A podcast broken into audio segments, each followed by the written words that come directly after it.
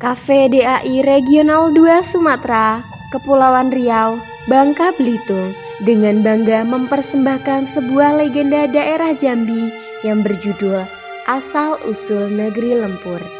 Dengan naskah dan suara oleh Monica Imai, editor oleh Inuk S. Nugroho. Selamat mendengarkan.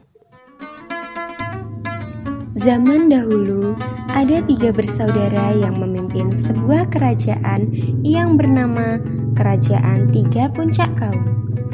Si sulung bernama Pemuncak Rencong Talang, si tengah bernama Pemuncak Tanjung Sari, dan si bungsu bernama Pemuncak Koto Tapus. Kerajaan ini dibagi menjadi tiga wilayah, yang masing-masing dari mereka menguasai satu wilayah.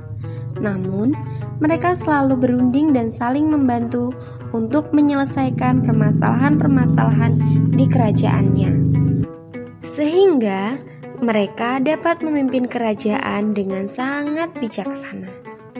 Suatu masa, pemuncak Rencong Talang sangat gembira karena hasil panen rakyatnya yang melimpah. Ia bermaksud merayakannya dengan mengadakan pesta rakyat. Wahai hulu batang, Persiapkanlah sebuah pesta rakyat untuk merayakan hasil panen yang melimpah ini, serta undanglah saudara-saudaraku untuk datang kemari. Begitulah perintah pemuncak rencong talang kepada Hulu Batang. Baik tuan, akan segera hamba laksanakan. Jawab Hulu Batang dengan sopan. Malam ketiga adalah undangan bagi para pemuncak dan keluarganya untuk datang. Namun, ternyata pemuncak Tanjung Sari tidak dapat hadir sehingga ia mengutus istri dan anaknya untuk menghadiri acara tersebut. Salah satu putri pemuncak Tanjung Sari adalah gadis yang cantik jelita yang menjadi pusat perhatian para pemuda yang menghadiri acara tersebut. Karena malam tersebut adalah khusus muda-mudi istri pemuncak Tanjung Sari memilih bergabung dengan keluarga dari pemuncak Rencong Talang. Sang putri yang sangat asyik dengan acara sehingga tak terasa hari sudah lewat tengah malam. Ibunya menghampiri dan mengajaknya pulang, tetapi ia tidak menghiraukannya. Ketika kedua kalinya sang ibu menghampiri, pemuda yang duduk di sebelahnya pun bertanya, Siapakah perempuan itu putri nan cantik? Oh, perempuan itu adalah pembantu saya.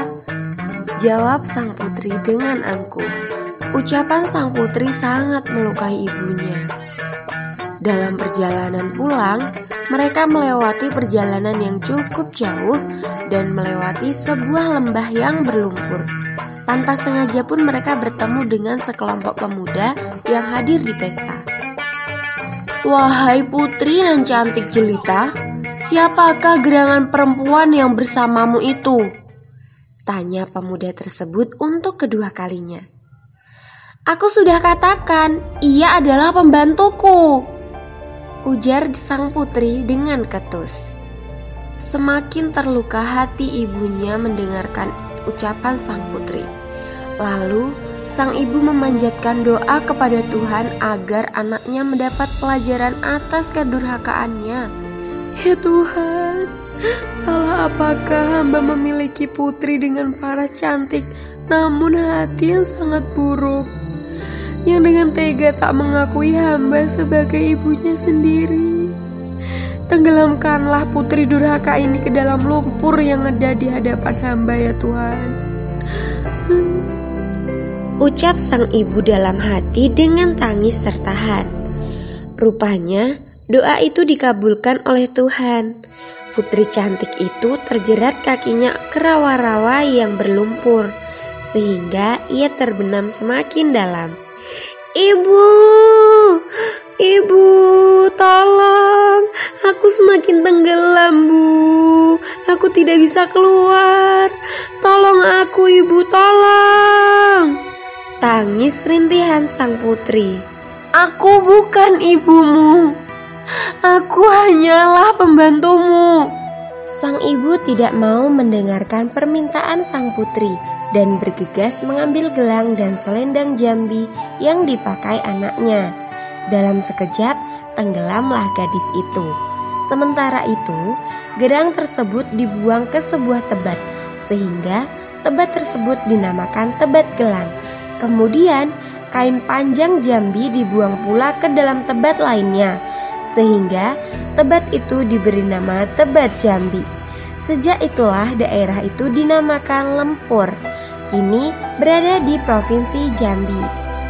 Demikianlah asal-usul negeri Lempur dengan pesan agar kita selalu menghormati dan menghargai orang tua kita sebagaimanapun keadaannya. Terima kasih, sampai jumpa.